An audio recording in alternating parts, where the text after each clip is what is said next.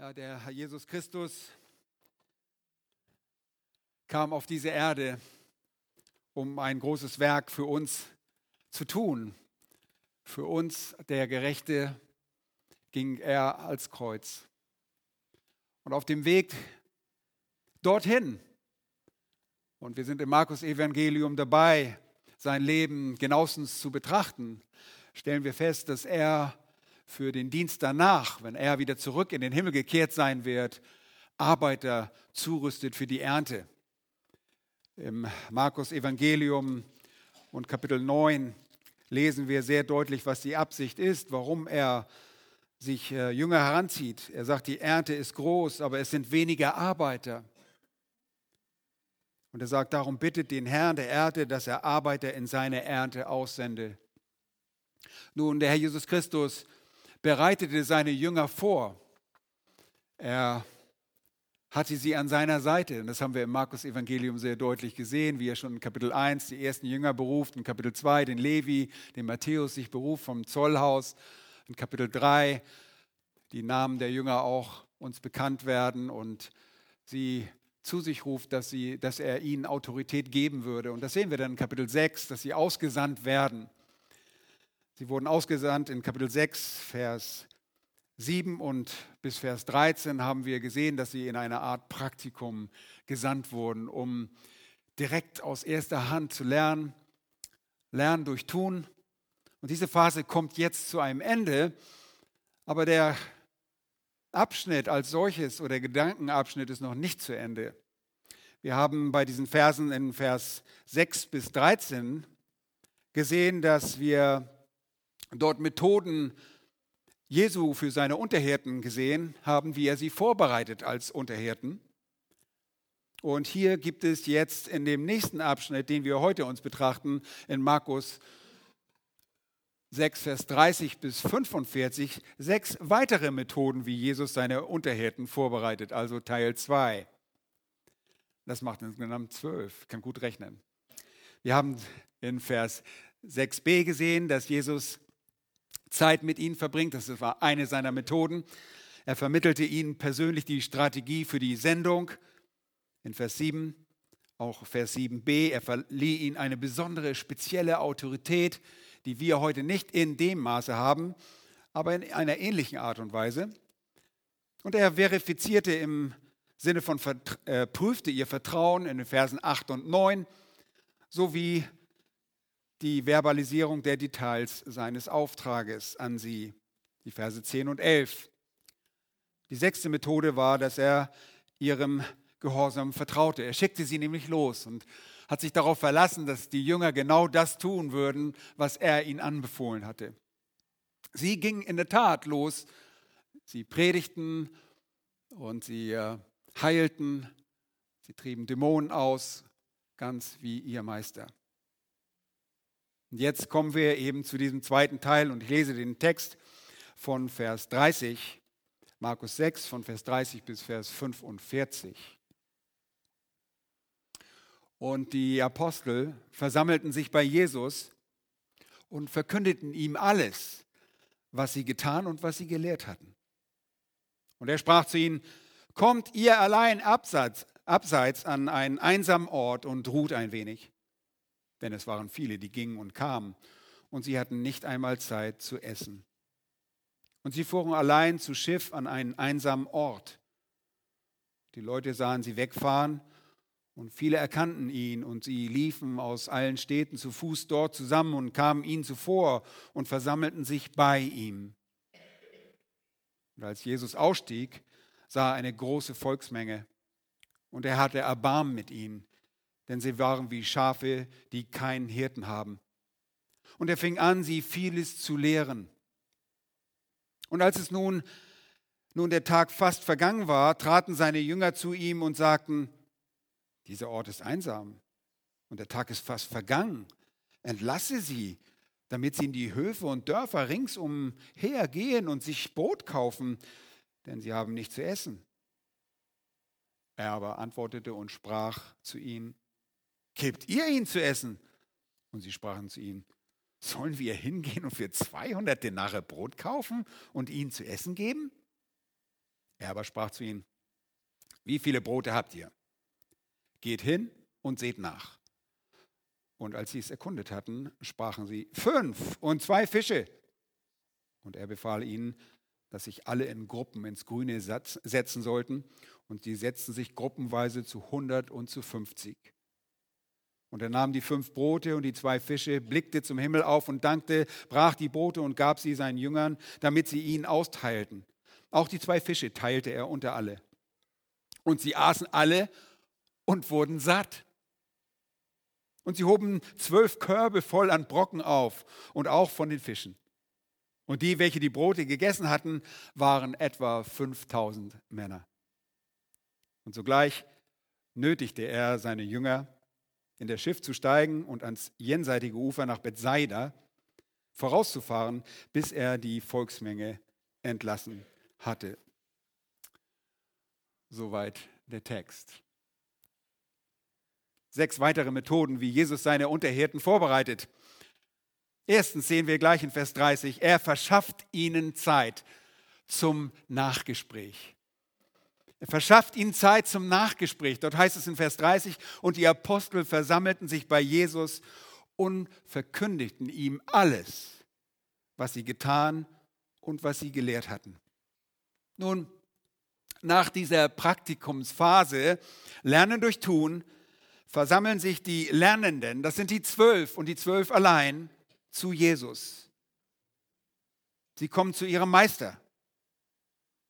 Und ihr Lieben, das muss ein sehr fröhliches und aufregendes Erlebnis gewesen sein, bei dem die Auszubildenden voller Begeisterung einander und dem Herrn berichteten, was sie getan und gelehrt hatten.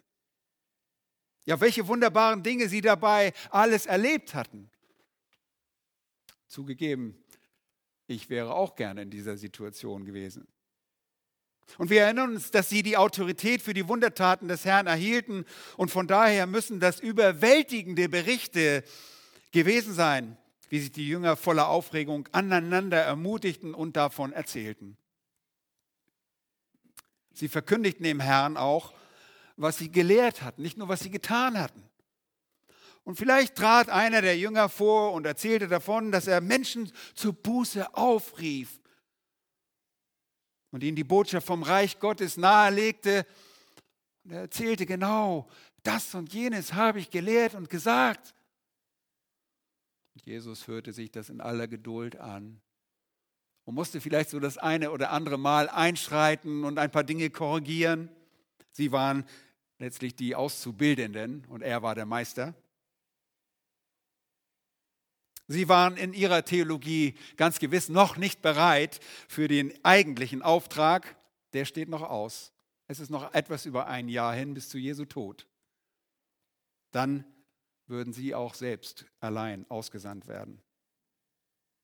Nun, ich erinnere mich an meine erste offizielle Predigt in einer Gemeinde damals 1984 in einer Gemeinde in Stuttgart-Möhring. Ich vergesse es nicht, wie mein geistlicher Ziehvater mich damals vor der Predigt in sein Büro bat, um mir Instruktionen zu geben und zu hören, was ich da wohl predigen würde. Noch unvergesslicher war dann das Treffen danach. So ähnlich wie hier bei den Jüngern kam es zu einem Nachtreffen mit meinem Pastor. Jesus verschafft ihnen hier Zeit für dieses Nachgespräch. Und das ist eine wichtige Methode der Vorbereitung seiner Unterhirten. Nun, ich, ich selbst wurde damals vor immerhin fast 36 Jahren, aber bin ich doch gerade erst 37 geworden, aber vor 36 Jahren in Liebe auf ein paar Dinge hingewiesen, die ich künftig besser machen sollte. Roger Pugh, das ist dieser warmherzige Pastor aus Amerika, dieser weise Gemeindegründer, der die Deutschen so sehr liebte und auch das immer noch tut.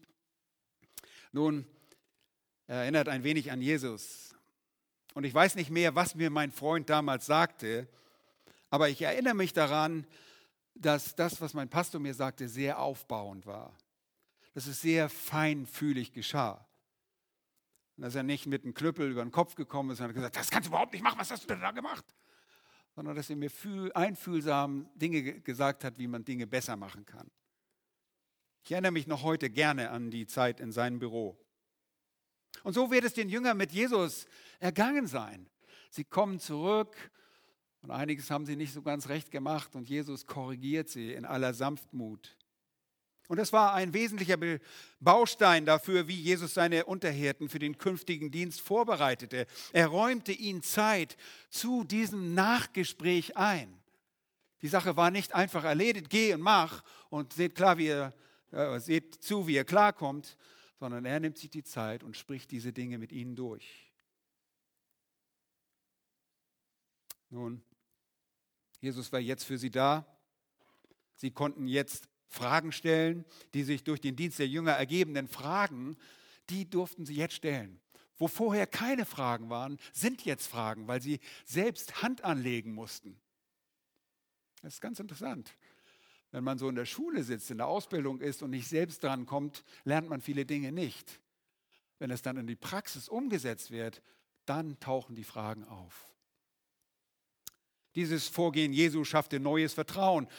Und die Jünger selbst wurden künftig, würden künftig noch mehr auf das Handeln und das Reden ihres Meisters achten. Jetzt wussten sie, dass der Dienst gewisse Herausforderungen enthält, von denen sie zuvor wirklich nur theoretisch Kenntnisse hatten. Welch ein wunderbarer Herr. In seiner Liebe und Voraussicht bereitet er die Jünger auf ihren Dienst als Unterhirten und Apostel auf diese Art und Weise vor, dass er sich Zeit nimmt, Dinge mit ihnen durchzusprechen. Zweitens, so zeigt uns der Text eine weitere Methode, wie Jesus seine Unterhirten vorbereitet. Er vermittelt ihnen den Stellenwert von Ruhe. Er vermittelt ihnen den Stellenwert von Ruhe. Vers 31 bis 34 lese ich. Und er sprach zu ihm, kommt ihr allein abseits an einen einsamen Ort und ruht ein wenig. Denn es waren viele, die gingen und kamen und sie hatten nicht einmal Zeit zu essen. Vers 32. Und sie fuhren allein zu Schiff an einen einsamen Ort. Und die Leute sahen sie wegfahren. Und viele erkannten ihn und sie liefen aus allen Städten zu Fuß dort zusammen und kamen ihnen zuvor und versammelten sich bei ihm. Und Vers 34a, und als Jesus ausstieg, sah er eine große Volksmenge. Nun, das Nachgespräch Jesu mit seinen Jüngern blieb nicht unentdeckt. Und Jesus veranlasst aus diesem Grund auch einen Ortswechsel damit er mit den Zwölfen an einen einsamen Ort, heißt es hier, sprechen und auch ruhen konnte.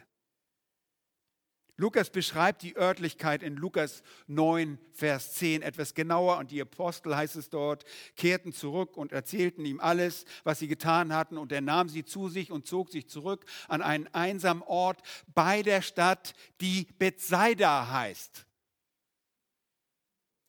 Nun, das ist das Bethsaida nördlich vom See östlich vom Jordan-Zufluss, wie er aus dem Hula-Becken kommt, ganz in der Nähe der Ortschaft Julias. Das ist also nordöstlich, Transjordanien. Nun, der Dienst mit und an Menschen ist ein sehr ermüdender Dienst. Und dabei ist eine hohe Fähigkeit und Anpassung und Zuhören und eine Kapazität von Datenverarbeitung erforderlich. Das, ihr Lieben, kostet mitunter sehr viel Kraft. Und wer selbst mit Menschen gearbeitet hat und immer noch arbeitet, der weiß das. Das Gehirn muss sehr viel arbeiten, wenn man sein Gegenüber auch verstehen will. Menschen sind nicht nur Gegenstände, die auf irgendeinem Fließband sortiert werden und kategorisiert werden, die man irgendwo ablegt. Es erfordert Einfühlungsvermögen, Sensibilität. Es erfordert sehr viel Geduld. Und es ist oft schwierig und herausfordernd, wenn man feststellt, dass Menschen, mit denen man zu tun hat, irren und sich nur schwer ausdrücken können. Es ist eine Kunst, das Fehldenken anderer zu korrigieren. Und dabei muss immer wieder auch das eigene Denken geprüft werden. Und es ist schwierig, mit Menschen zu reden, die nicht richtig kommunizieren können. Und der gute Lehrer zeichnet sich durch ein Rückfragen und Nachhaken aus. Wie hast du das gemeint? Kannst du das nochmal mit anderen Worten sagen? Das ist anstrengend. Neue Erfahrungen und überwältigende Ereignisse der Jünger hatten sie müde werden lassen. Früher konnten sie sich auf ihren Meister verlassen. Jetzt waren sie, die reden und wirken sollten und gewirkt hatten. Sie waren müde. Und diese Müdigkeit haben wir bereits bei dem Herrn selbst gesehen. Erinnert ihr euch? Er war so müde, dass er durch einen Sturm geschlafen hätte, wenn da nicht die besorgten Jünger gewesen wären. Das ist die Müdigkeit, die aus dem Dienst entsteht. Wenn man dann morgens spät aufwacht und sich fragt, wo ist die Nacht geblieben, dann weiß man, man war müde, richtig müde. Nun, die Erfahrung von Ermüdung sollten die Jünger jetzt aus erster Hand selbst erleben. Und ihr weiser Herr und Meister wusste um ihre eingeschränkte Kraft und er gewährt ihnen Ruhe. Jesus ist wirklich einfühlsam. Ihr weiser Herr und Meister weiß darum, Ruhepausen sind für den menschlichen Körper und den Geist sehr wichtig. Wir brauchen Phasen der Regenerierung. Nun, sicherlich brauchen wir das in unserer Gesellschaft nicht so sehr betonen.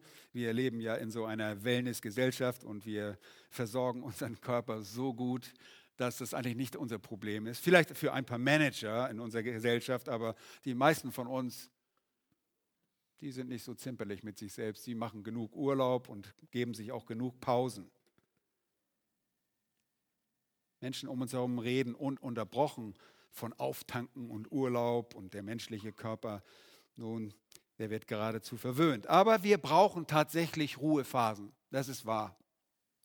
Es gibt da sicherlich ein ausgewogenes Maß von Ruhe und Arbeit. Jahwe selbst ruhte von seinen Werken uns Menschen zum Vorbild. Erinnert ihr euch daran, nachdem er die Welt geschaffen hatte in sechs Tagen, ruhte er am siebten Tag und heiligte diesen Tag uns zu einem Vorbild, dass wir ruhen müssen. Wir sind in unseren Kräften begrenzt. Wir sind nicht wie Gott, der unbegrenzte Kraft zur Verfügung hat und unbegrenzte Kraft ist. Gott hat es nicht nötig zu ruhen, weil er out of power war, weil er keine Kraft mehr hatte, sondern er setzte für uns ein Vorbild. Und deshalb ruft jetzt der Herr seine Jünger nicht nur zur Ruhe auf, sondern er vermittelt ihnen auch den Stellenwert von Ruhe. Denn so richtig mit viel Ruhe, so wie wir das uns vorstellen, ist da nichts draus geworden, oder? Und das heißt, durch sein Vorbild zeigt er ihnen auf, wie die Ruhe im Verhältnis zu dem Dienst einzuordnen ist. Ist euch das aufgefallen? Der aufmerksame Lehrer hat gleich, Leser hat gleich gemerkt, oh, da ist die Ruhe futsch. Die wollten doch irgendwo an einen einsamen Ort fahren und da waren schon die Menschenmassen. Wir lesen in Vers 31, denn es waren viele, die gingen und kamen und sie hatten nicht einmal Zeit zu essen. Das war aber davor. Das ist nichts Neues im Dienst von Jesus. Erinnert ihr euch? In Kapitel 3, Vers 20 haben wir das schon gelesen, dass sie keine Zeit zum Essen hatten und man dachte sogar, äh, Jesus wäre irgendwie ein bisschen bekloppt, weil er gar keine Zeit dafür nimmt, sich mal äh, ein Brot zu machen. Das ist nichts Ungewöhnliches. Jeder, der auch heute in eine Sache tief versunken und konzentriert arbeitet und mit Herzblut an einer Sache arbeitet, der vergisst schon mal das Essen. Und man kann manchmal nicht essen. Ich weiß, manchen Predigern sieht man das nicht so an, äh, dass sie das vergessen, besonders im amerikanischen Raum. Ähm, aber das kenne ich selbst auch. Wir vergessen manchmal einfach, ich vergesse zu arbeiten oder es passt mir einfach nicht, dass ich einfach essen muss. Manchmal kommt es mir wie eine Last vor, dass ich auf einmal essen muss, wenn ich gerade studiere. Nun, es wird nur kritisch, wenn das Ausbleiben von Nahrungsaufnahme sich über eine längere Zeit fortsetzt und man fürchterlich erschöpft ist. Normalerweise isst man unter bei Erschöpfung noch mehr. Bei Müdigkeit isst man und isst man und isst man. Hier ist allerdings nicht die fehlende Auf Nahrungsaufnahme der Fokus, sondern vielmehr die durch das Kommen und Gehen verbrauchte Energie und die damit entstandene Schöpfung, die eine Ruhepause erforderlich machte. Es kamen Menschen und gingen Menschen. Das ständige neue Einstellen auf Menschen und Fragen der Menschen und begeisterte Menschen, Menschen, die geheilt werden wollten, das war ermüdend. Nun, es kommt tatsächlich zu einer ersten Ruhephase, man soll es nicht glauben. Und zwar eine Phase der Ruhe in der Überfahrt an den vermeintlich einsamen Ort. Und hier waren erfahrene Fischer, die das Boot unter guten Bedingungen problemlos auf die andere Seite des Sees manövrierten. Das war ein Kinderspiel, die mussten nicht viel darüber nachdenken. Das war ihr Tagesgeschäft. Das ist eine Art Entspannung für ein, eingesessene alte Fischerleute. So alt waren sie sicherlich noch nicht, aber die Stille bei so einer Überfahrt ist schon mal sehr angenehm. Und äh, wenn man mit so Seeleuten spricht, die sind manchmal vom Wasser gebissen. Die wollen wieder zurück auf die See, weil sie die See so lieben, die Stille auf der See, auch wenn es manchmal rau wird. Aber dieses, die See beißt jemanden und man kriegt ein Seevirus. Ja. Nun, das war die erste Phase. Sie, sie verlassen ihren Ort und sie setzen über. Und das ist die erste Phase des Ruhens. Hier kommt die erste Lektion, Vers 32. Und sie fuhren allein zu Schiff an einen einsamen Ort und die Leute sahen sie wegfahren. Und viele erkannten ihn und sie liefen aus allen Städten zu Fuß dort zusammen und kamen ihm zuvor und versammelten sich bei ihm. Nun, erste Phase, niemand um sie herum. Das Boot ist ein Ruheort. Stille während der Überfahrt. Aber wir lesen jetzt, dass aufgrund der Popularität Jesus und sicherlich auch jetzt des gesteigerten Interesses wegen der Dienste der Jünger, die sie getan hatten, kommen noch mehr Menschen. Und vielleicht ist das auch der Anlass, warum Herodes Antipas jetzt von Jesus hörte, weil auch seine Jünger unterwegs waren und dieses Evangelium vom Reich Gottes, vom Herrn Jesus Christus verbreiteten. Nun, aber das wird schon mal ein paar Stunden in Anspruch genommen haben, dieses Boot dort in die Nähe von Bethsaida zu bringen. Wir wissen nicht genau den Ausgangspunkt, aber dieses Bethsaida am nordöstlichen Ende des Sees von Galiläa brauchte ein paar Stunden für die oder ein paar ja, Stunden für die Leute, die aus den Städten zusammenkamen. Und die Menschen gingen den Landweg und waren nicht mit einem Auto unterwegs. Und das dauerte sicherlich ein bisschen Zeit. Und es waren sicherlich auch noch nicht alle, wenn man einen Vergleich macht, einen synoptischen Vergleich, die Evangelien und alle heranzieht, dann sieht man, es werden noch nicht alle da gewesen sein. Aber er sah schon eine große Menschenmenge, das sagt der Text. Es gab ein bisschen Zeit, aber eben auch nur ein bisschen Ruhezeit. Es gab ihnen eine gewisse Ruhe, die aber durch die große Not unter dem Volk in Relation gesetzt wird. Er zeigt ihnen jetzt den Stellenwert von Ruhe auf. Und das macht er sehr praktisch. Nun, lasst uns eine weitere Methode ansehen, die diese Methode verdeutlicht oder beziehungsweise diesen Stellenwert noch weiter verdeutlicht. Eine weitere Methode, wie Jesus seine Unterhirten vorbereitet, ihnen zeigt, was Ruhen für sie nicht immer bedeutet. Er verdeutlicht ihnen, was göttliches Erbarmen ist. Vers 34. Und als Jesus ausstieg, sah er eine große Volksmenge. Nun, die mag da gewesen sein oder in einiger Entfernung gewesen sein. Der Text ist schwierig zu harmonisieren, aber es wird so gewesen sein. Und er hatte Erbarmen mit ihnen denn sie waren wie Schafe, die keinen Hirten haben. Und er fing an, sie vieles zu lehren. Ruhe und jetzt geht es weiter. Nun, hier ist ein Blöcken von Schafen am Ufer dieses Sees. Orientierungsloses Verhalten für Schafe ist sehr typisch, besonders wenn kein Hirte da ist. Und so sieht er sie. Er sieht sie wie Schafe, Sie sind keine Schafe, sie sind wie Schafe, die keinen Hirten haben, orientierungslos. Und diese ähnlichen Worte, die wir hier lesen, sind uns vertraut aus dem Alten Testament, aus den Propheten Hesekiel, Kapitel 34 und Jeremia 23, wo das Volk einfach ohne treue Hirten herumirrt, orientierungslos, verwehrt. Nun, die Schafe sind immer auf eine Bezugsperson angewiesen, die Schutz bietet und Führung gibt. Und ich kann mich daran nicht verlaufen, aber zu der Zeit gab es Raubtiere. Auch in Deutschland haben wir gerade wieder gehört, Wölfe sind im Kommen, besonders in Hessen haben wieder ein paar Tiere gerissen und ja, die einst ausgestorbenen Wölfe in Deutschland kommen wieder. Aber hier gibt es Raubtiere und die Schafe brauchen Schutz. Sie brauchen aber nicht nur Schutz vor großen, wilden Raubtieren, sondern auch vor diesen kleinen Tieren, diesen Insekten, den Parasiten, Schmarotzern. Besonders im Sommer für die Schafe sind Nasen und Dasselfliegen, Biesfliegen und Zecken eine besondere Qual. Ist nicht der Hirte da, der sich um diese Plagen kümmert bei den Schafen, dann gibt es richtige Probleme.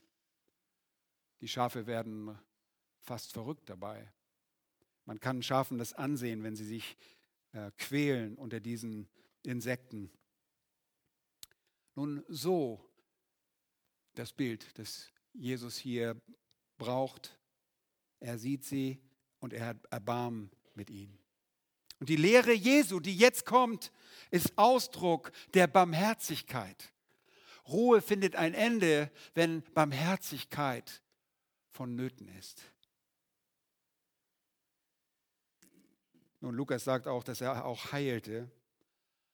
Aber hier steht primär im Vordergrund das Lehren als Zeichen der Barmherzigkeit.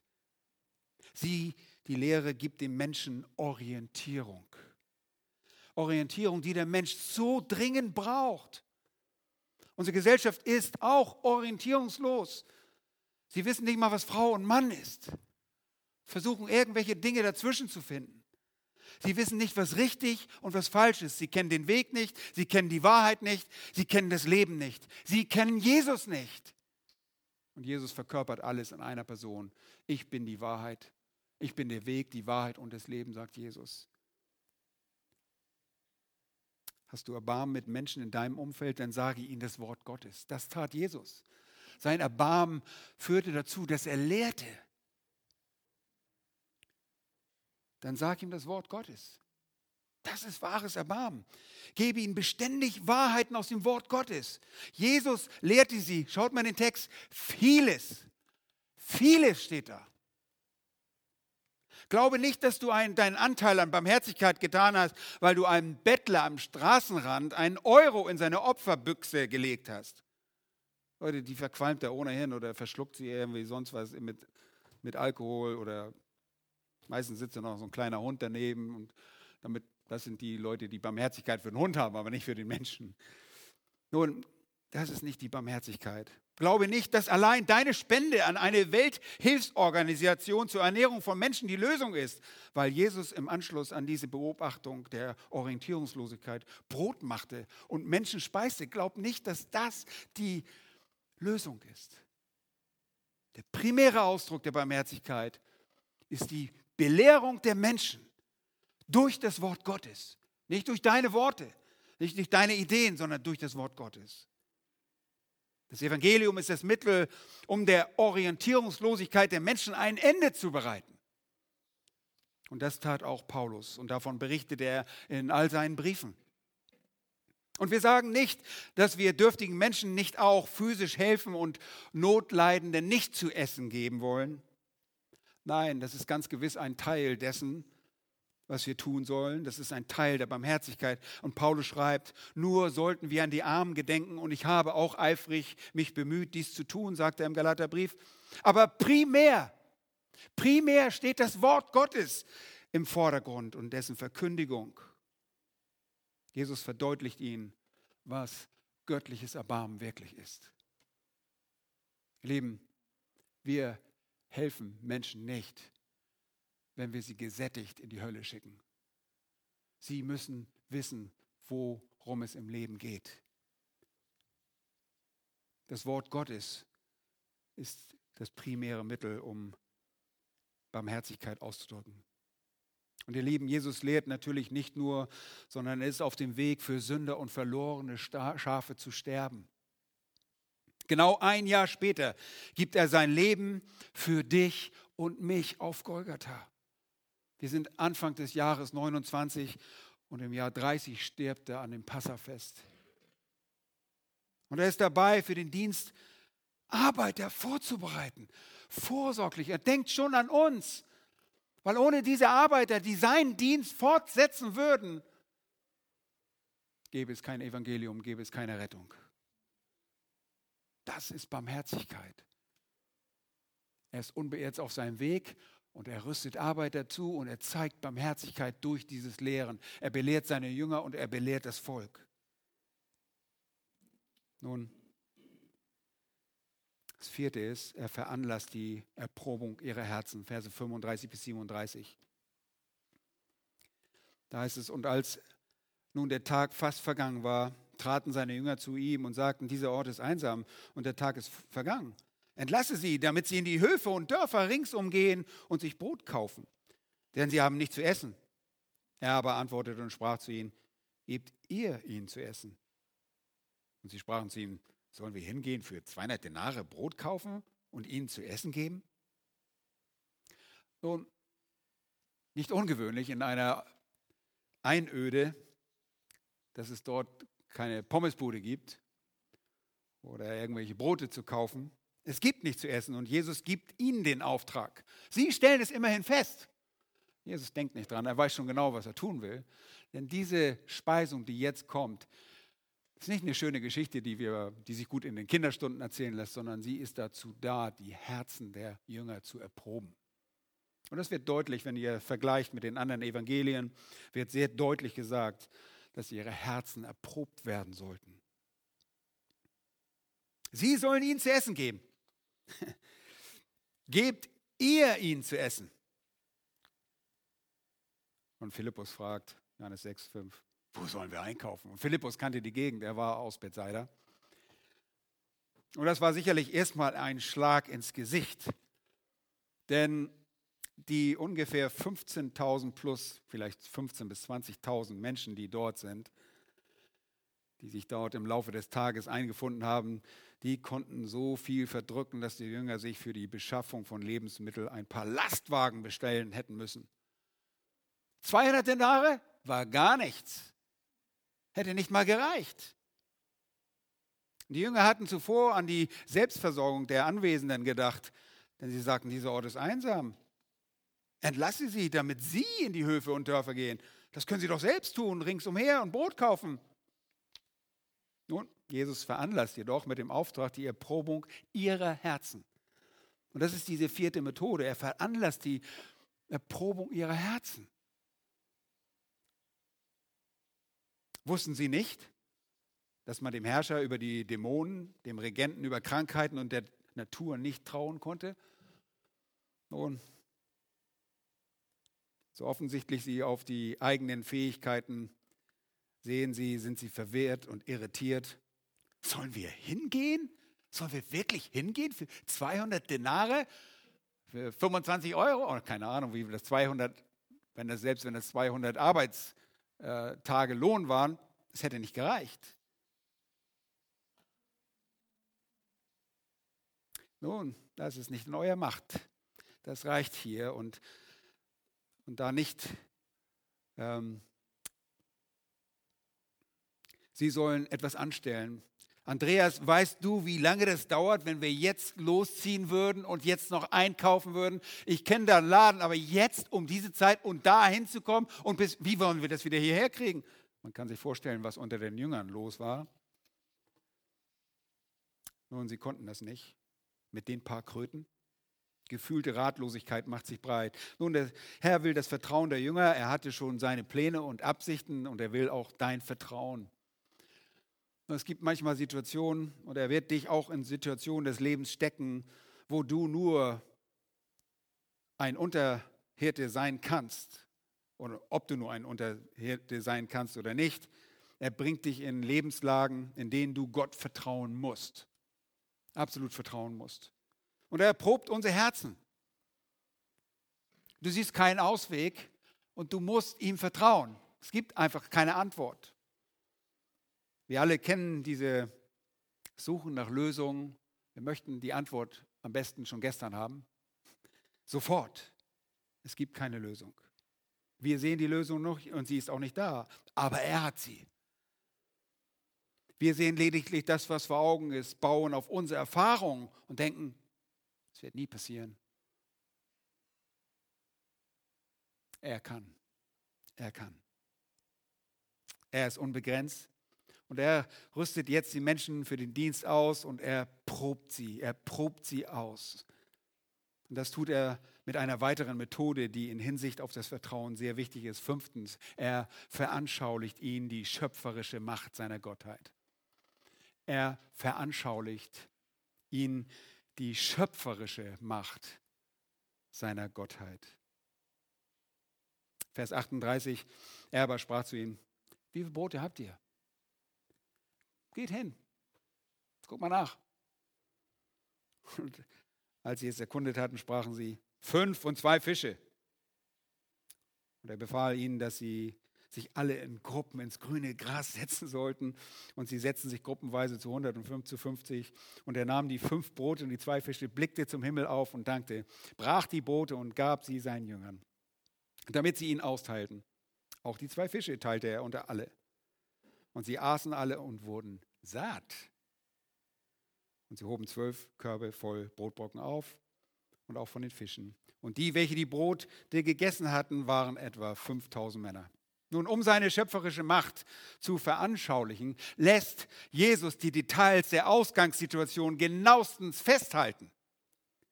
Vers 38, er aber sprach zu ihnen, wie viel Brote habt ihr?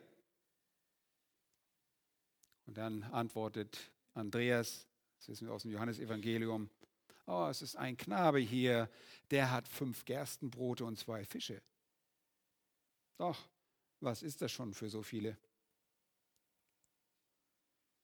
wollte genau die Ausgangssituation, die, die Ausgangslage festhalten.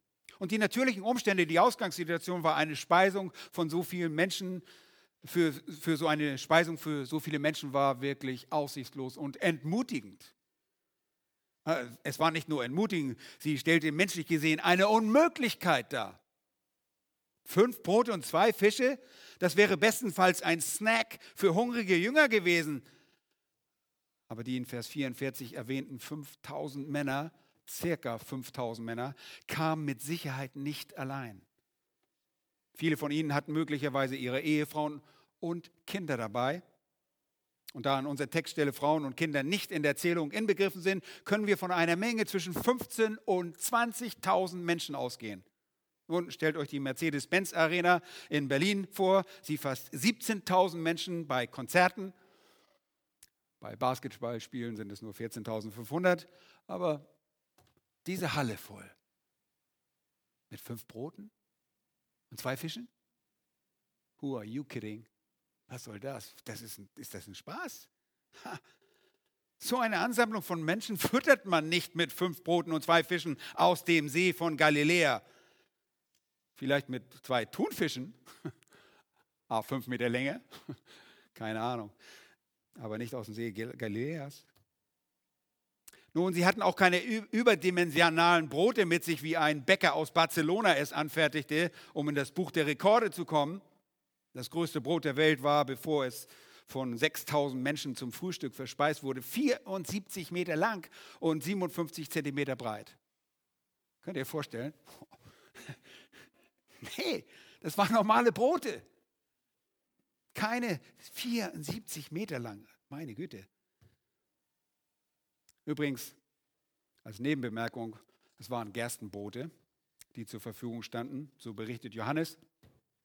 Was die zeitliche Einordnung, die ich euch gleich geben möchte, noch stützt, weil die Gerstenernte vor der Weizenernte geschieht. Nun, was auf die Erkundung der Ausgangslage folgt, lässt die Jünger sicherlich den Atem stocken. Die Spannung steigt, denn in Vers 39 lesen wir, Jesus befahl ihnen, dass sich alle in Gruppen ins grüne Gras setzen sollten. Hm. Und sie setzten sich gruppenweise zu 100 und zu 50 und er nahm die fünf Brote und die zwei Fische und blickte zum Himmel auf und dankte, brach die Brote und gab sie seinen Jüngern. Ja, fertig. Nee, so war es nicht. Nun, der Hinweis auf das grüne Gras, lass mich dir erstmal den Text auslegen. Im Text lässt uns erkennen, in welcher Zeit diese Dinge geschahen. Das Gras bleibt in Israel im Sommer nicht grün. Und das ist so ähnlich wie in Kalifornien. Da wird alles ganz schnell durch die Hitze braun, weil alles sehr schnell vertrocknet. Wir befinden uns zeitlich gesehen noch vor dem Passafest im Jahr 29. Alle Evangelien berichten von diesem Ereignis der Speisung und Johannes gibt uns sogar einen wunderbaren zeitlichen Hinweis. Da heißt es in Johannes 6, Vers 4, es war aber das Passana, das Fest der Juden. Und dieses jüdische Pesach, Passa, zu dem auch alle jüdischen Männer anreisen würden, fällt in unsere Monate März, April. Genau auf den 14. Nisan bis zum 21. des jüdischen Monats dem religiösen Jahresbeginn,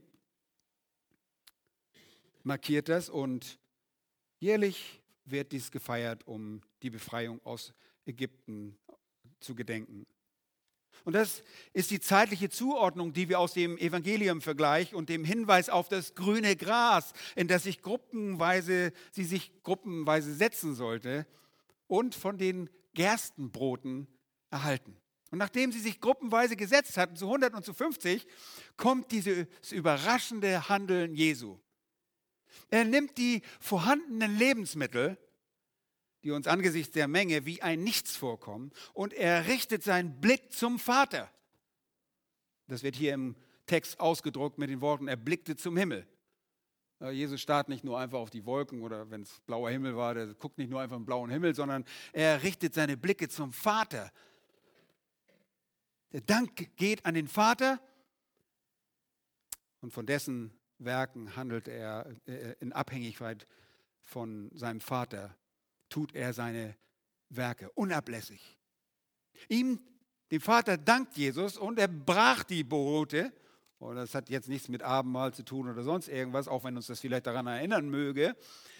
Er gab sie seinen Jüngern, damit sie ihn austeilten. Und auch die Fische teilte er aus. Und alle. Und die Frage, die sich hier augenblicklich stellt, wie lange sollte das reichen? Oh, nicht mal eine Gruppe. Nun, hier geschieht das außerordentliche Wunder, das Werk Gottes. Jesus stellt seine schöpferische Macht und damit seine Gottheit deutlich unter Beweis. So wie die Brote gebrochen in Stücke und Fische geteilt aus der Hand gingen, so kommen immer mehr Brotbrocken und Fischteile in und aus seiner Hand und gelangen zum anwesenden Volk. Wahnsinn. So muss es gewesen sein. Oder wie sollen wir uns das anders vorstellen? Aber genau so muss es gewesen sein. Die Lebensquelle versiegte nicht. Und das erinnert mich ein bisschen an eine Geschichte im Alten Testament. Das Ereignis hier am Ostufer vom See Genezareth erinnert an Gottes übernatürliche Versorgung von Elia zur Zeit des König Ahab. Erinnert ihr euch das?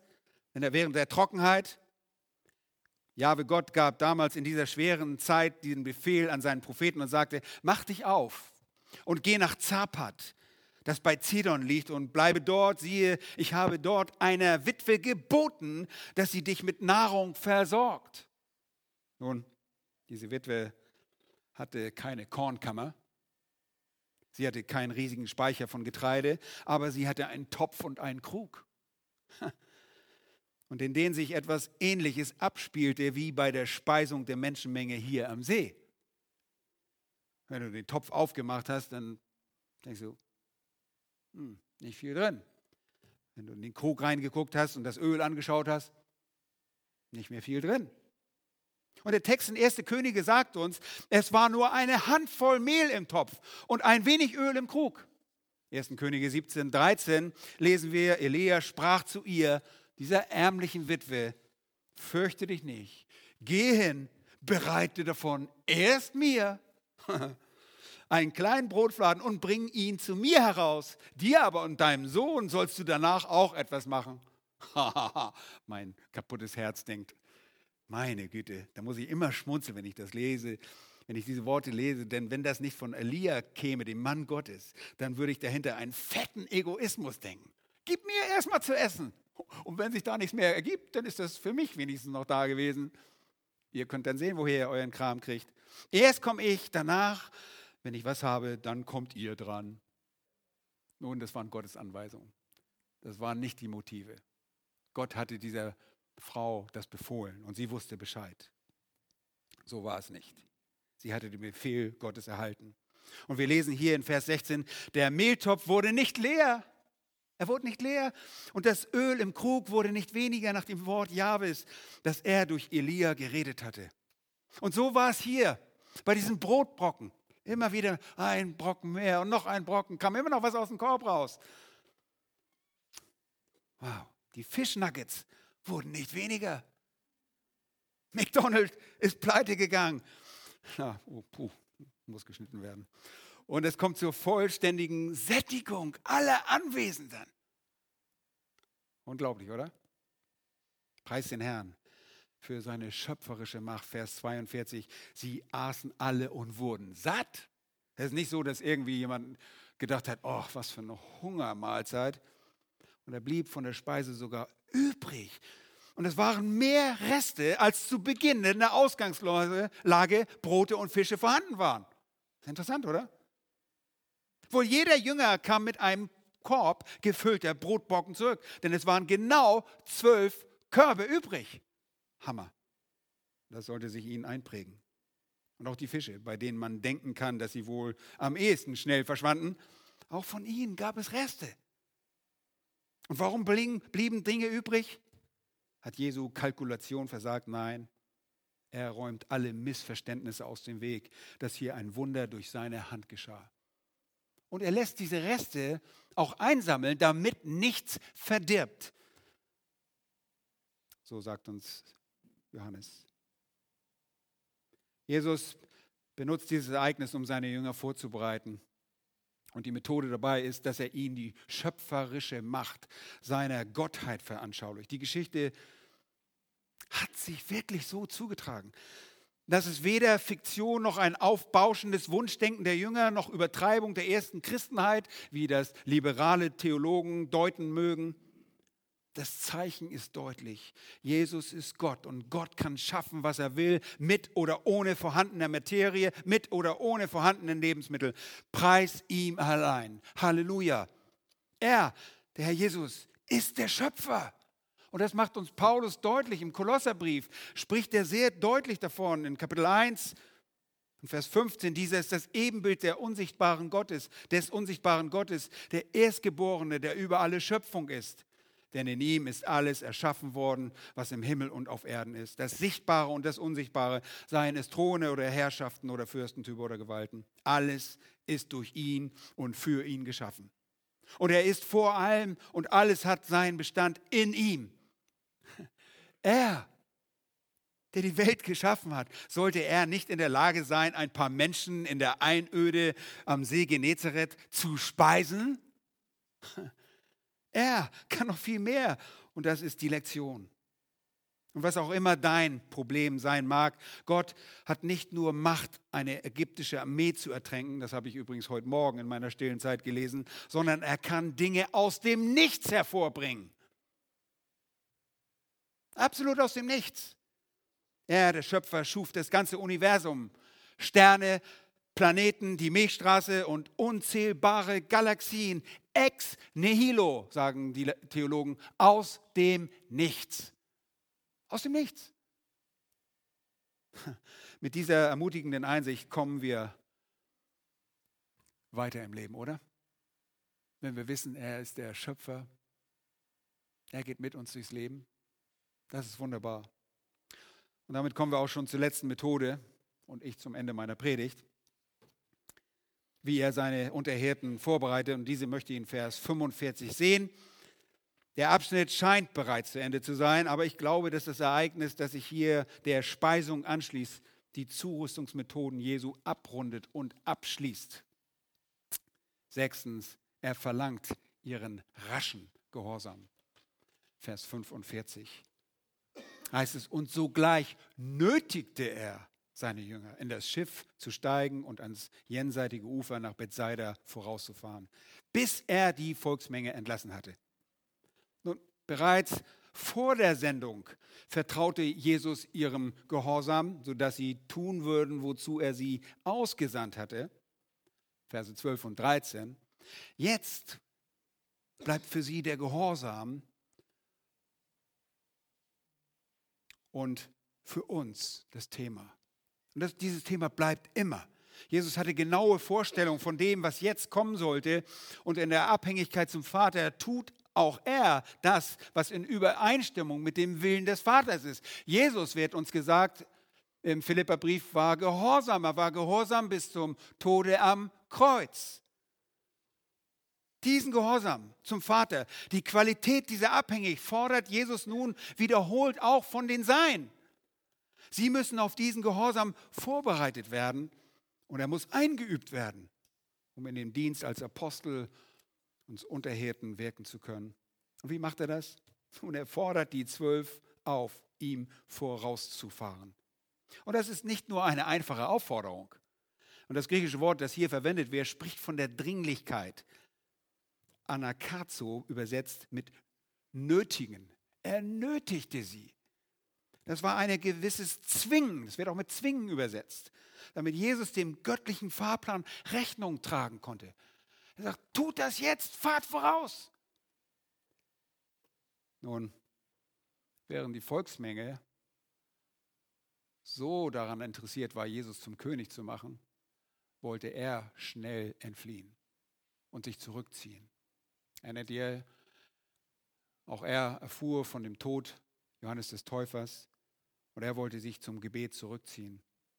Wir lesen das, das in Kapitel 6 vom Johannesevangelium, dass das Volk ihn zum König machen wollte.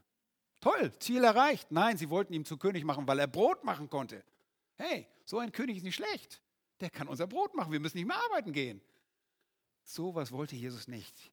Jesus zog sich zurück. Und sie sollten vorausfahren nach Bethsaida. Und das ist nicht schwierig, das ist etwas schwierig, weil Erstens versammelt er sich in Bethsaida und jetzt soll er nach Bethsaida fahren und sie landen zunächst in Kapernaum. Nun, Bethsaida, Haus der Jagd oder Fanges oder Fischens, gab es möglicherweise zweimal. Ein Bethsaida am Ostufer des Jordans und eins westlich von Kapernaum. Ist durchaus möglich. Ich kenne auch eine Oberkleckersdorf und Unterkleckersdorf. Ja, das gibt es. Dörfer, die zweimal vorkommen. Ähm, die Gelehrten sind sich da nicht einig. Die Liberalen glauben das natürlich nicht. Die sehen den, den Fehler bei Markus wieder. Aber es ist durchaus möglich, dass in der Nähe von Kapernaum, westlich von Kapernaum, ein zweites Bethsaida ist und dort sollten sie ihm vorausfahren. Sie landen zunächst in, in Kapernaum und gehen von dort wahrscheinlich zu Fuß aus, so, wollten sie zu Fuß aus dann nach Bethsaida gehen. Aber es geschieht noch alles ganz anders und das hören wir beim nächsten Mal. Er fordert raschen Gehorsam. Ihr Lieben, das fordert auch von uns. Wenn wir eins tun können, uns unserem Herrn gefallen können und wollen, dann rascher Gehorsam. Tun, was wir erkannt haben und das zu seiner Ehre zu tun. Ja, das sind die zwölf Methoden, wie Jesus seine Unterhirten vorbereitet, aber auch uns vorbereitet für unseren Dienst. Und wir wollen davon lernen und Prioritäten setzen, ob es die Ruhe betrifft oder das Erbarmen betrifft, die Erprobung unserer Herzen. Wir wollen ihm glauben. Er hat alle Macht. Ihm sei die Ehre. Lasst uns ihm gehorsam sein.